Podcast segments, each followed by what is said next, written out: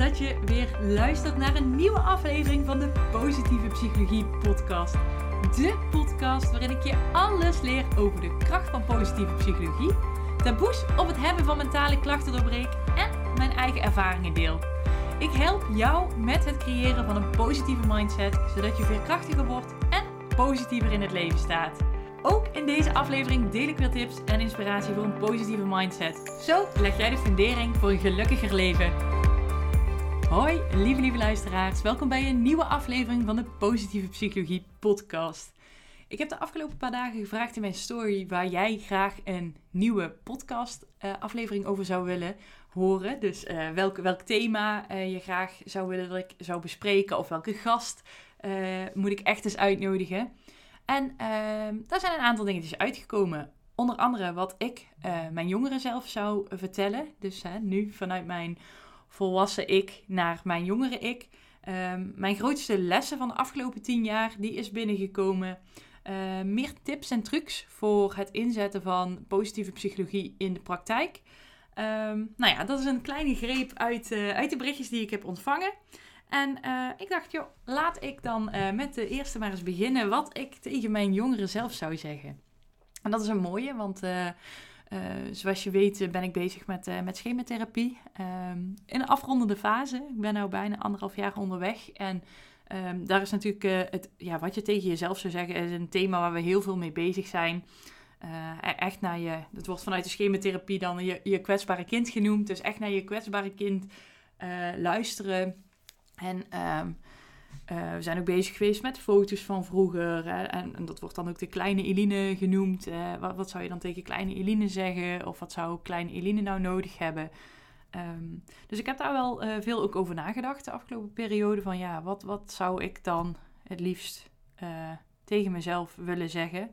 Um, nou, ik denk in ieder geval dat ik tegen mezelf zou willen zeggen dat ik uh, in ieder geval dat ik een knappe meid ben. Uh, ik heb mezelf altijd heel erg eh, lelijk gevoeld. En als ik nu foto's terugkrijg van dat ik klein ben of uit de puberteit, dan denk ik, oh jeetje, wat heb ik mezelf toch aangedaan of, of aangepraat? En wat heeft mijn omgeving me toch aangepraat? Dat ik hè, niet, niet goed genoeg was. Um, of mijn moeder indirect. Als ik iets, iets lekkers pakte, dan ja, zou je dat wel doen. Want, want je bent nou zo'n mooie meid. Als in, ja, als je dat wel doet, als je wel iets lekkers pakt, dan word je geen mooie meid meer. Um, en als ik nou terugkijk, denk ik, jeetje, wat zag ik er gewoon goed uit. Ik was hè, gewoon op, op een gezond gewicht. Uh, ik had uh, heel mooie lang, lang haar. Hè, een vrolijke glimlach. Dus ik denk dat ik vooral tegen mezelf zou zeggen van... joh, je bent hartstikke mooi en je hoeft gewoon niks aan jezelf te veranderen. Je bent gewoon oké zoals je bent. Um, als ik dan meer kijk zeg maar, naar uh, de binnenkant, dan uh, zou ik tegen mezelf willen zeggen uh, dat ik het ook gewoon oprecht. Ik zou een stukje compassie, dat zou ik vooral richting mezelf willen doen. En dat vind ik moeilijk, daar ben ik ook echt nog mee in het oefenen. Dus ik zou zeggen dat uh, vooral begrip tonen van hé, hey, wat shit dat je in zo'n gezin moet opgroeien. En wat, wat naar dat je je zo vaak niet gezien voelt en niet gehoord voelt. En niet serieus genomen bent. En wat, wat doe je goed je best? En wat, wat probeer je toch altijd eh, om, goed, om het goed te doen? En misschien mag je wel iets minder je best doen om het allemaal zo goed te doen. Want je gaat vanuit je omgeving toch niet de goedkeuring krijgen. In ieder geval niet vanuit je, ja, je gezin van herkomst. Daar ga je toch niet de erkenning krijgen waar je zo naar op zoek bent. En ja, wat, wat verdrietig voor je eigenlijk. Dat, ja, dat je zo je best aan het doen bent en dat dat niemand je ziet. En dat ik ook zo begrijp dat, dat je zo boos bent. Want het, ja, het is ook niet fijn om, om op te groeien met zo'n vader. En ook uh, je moeder die uh, eigenlijk geen gehoor geeft als je met je gevoelens aankomt. En dat is gewoon onwijs frustrerend om. Ja, je, niet, niet, je bent gewoon niet gezien, je bent niet gehoord. En wat na voor je dat je dat hebt mee moeten maken ik denk, ik denk dat ik dat vooral tegen mezelf zou willen zeggen. Omdat ik natuurlijk heel vaak heb gevoeld dat, dat ik er niet toe doe. Of uh, dat ik niet goed genoeg ben. Of dat ik gek ben. Of dat, dat, dat ik raar ben. Of dat er iets mis met mij is. Um, ik zou mezelf daar vooral van willen overtuigen dat, dat het niet aan mij ligt. Dat ik, dat ik het zo graag ook, gewoon anders had gezien. En, en dat ik gewoon pech heb gehad met waar ik ben opgegroeid. En als ik dan weer eventjes terugpak naar therapie. Ehm, als je vanuit schematherapie bekijkt, heb je dus dat kwetsbare kind.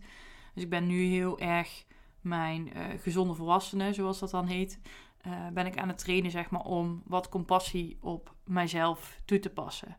Ehm, en dat is, uh, mag je best weten, dat is, dat is best wel uitdagend. Omdat ik altijd super streng ben geweest voor mezelf. De lat ergens tot aan het plafond heb gelegd. En dat zijn natuurlijk oude patronen waar ik nog steeds wel eens in verval. Dus het is, kost veel tijd en veel oefening en veel geduld en veel zelfliefde om los te breken van, uh, van die patronen.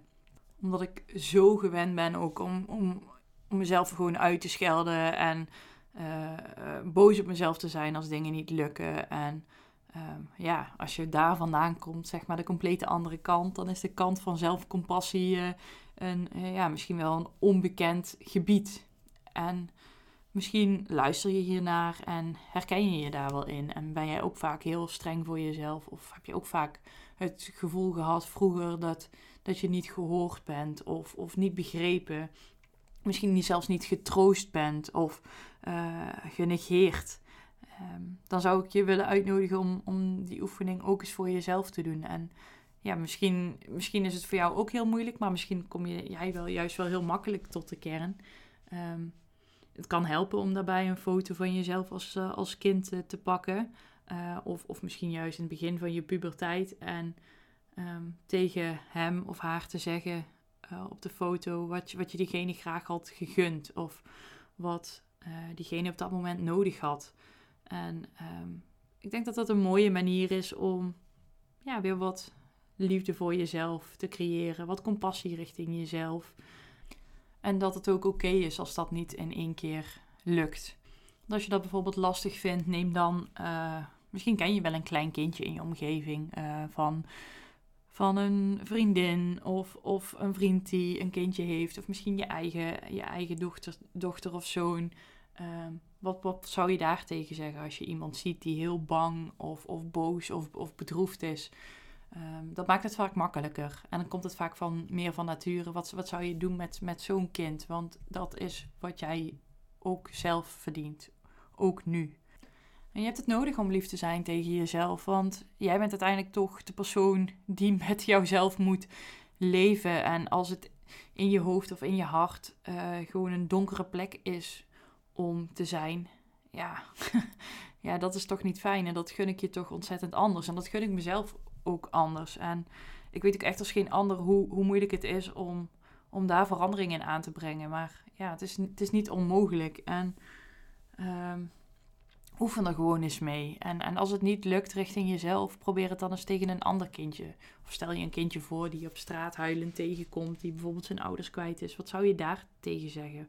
Wat, wat gun je dat kindje? Misschien geef je het een knuffel of pak je, pak je uh, pak je het handje vast of, of ga je samen zoeken. Uh, of neem je het mee naar huis en geef je het een glaasje limonade.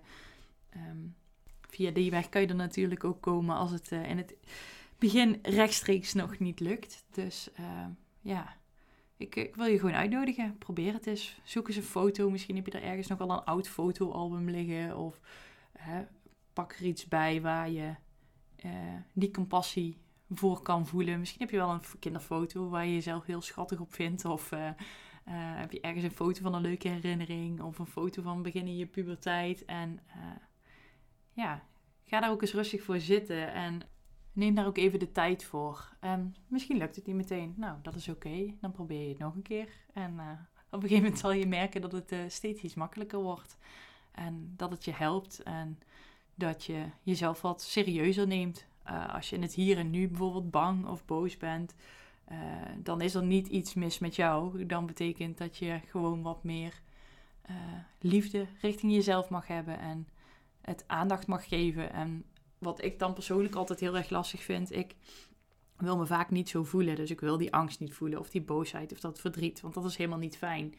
Um, ik wil het altijd oplossen en ik wil het wegmaken en ik wil dan altijd iets gaan doen waardoor ik me beter voel.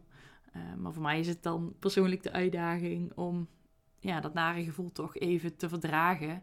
En in plaats van te gaan bedenken, oké, waar komt het vandaan en hoe kom ik er vanaf? Um, ja, met compassie met mezelf te praten van uh, wat naar dat je je zo voelt. En uh, dat snap ik echt heel goed. Dus dat helpt. Um, dus ik hoop uh, dat je wat uh, hebt gehad aan, uh, aan deze aflevering. En dat je op je eigen manier en op je eigen tempo daarmee kan gaan oefenen. En ik hoop dat het jou op de lange termijn ook iets heel erg moois gaat brengen. Hey, heel erg bedankt weer uh, voor het luisteren. En uh, mocht je zelf nog uh, een topic hebben waarvan je denkt: Oh, Eline, zou je hier alsjeblieft een keer een aflevering over op willen nemen? Hier wil ik echt meer info over. Of heb je zoiets van: Nou, Eline, die gast moet je echt eens uitnodigen op de podcast. Stuur me dan even een DM op Instagram. Dan ga ik kijken wat ik voor je kan betekenen. Nou, dikke kus zou ik zeggen. Heel veel zelfliefde jouw kant op. En tot de volgende keer. Doeg! Wat tof dat je weer hebt geluisterd naar de Positieve Psychologie podcast.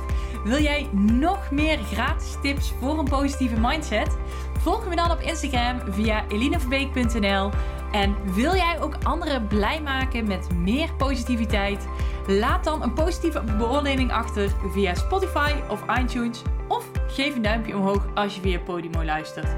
Zo kan de podcast nog beter gevonden worden en kan ik meer mensen helpen met het creëren van een positieve mindset. Alvast super, super dankjewel en tot de volgende aflevering.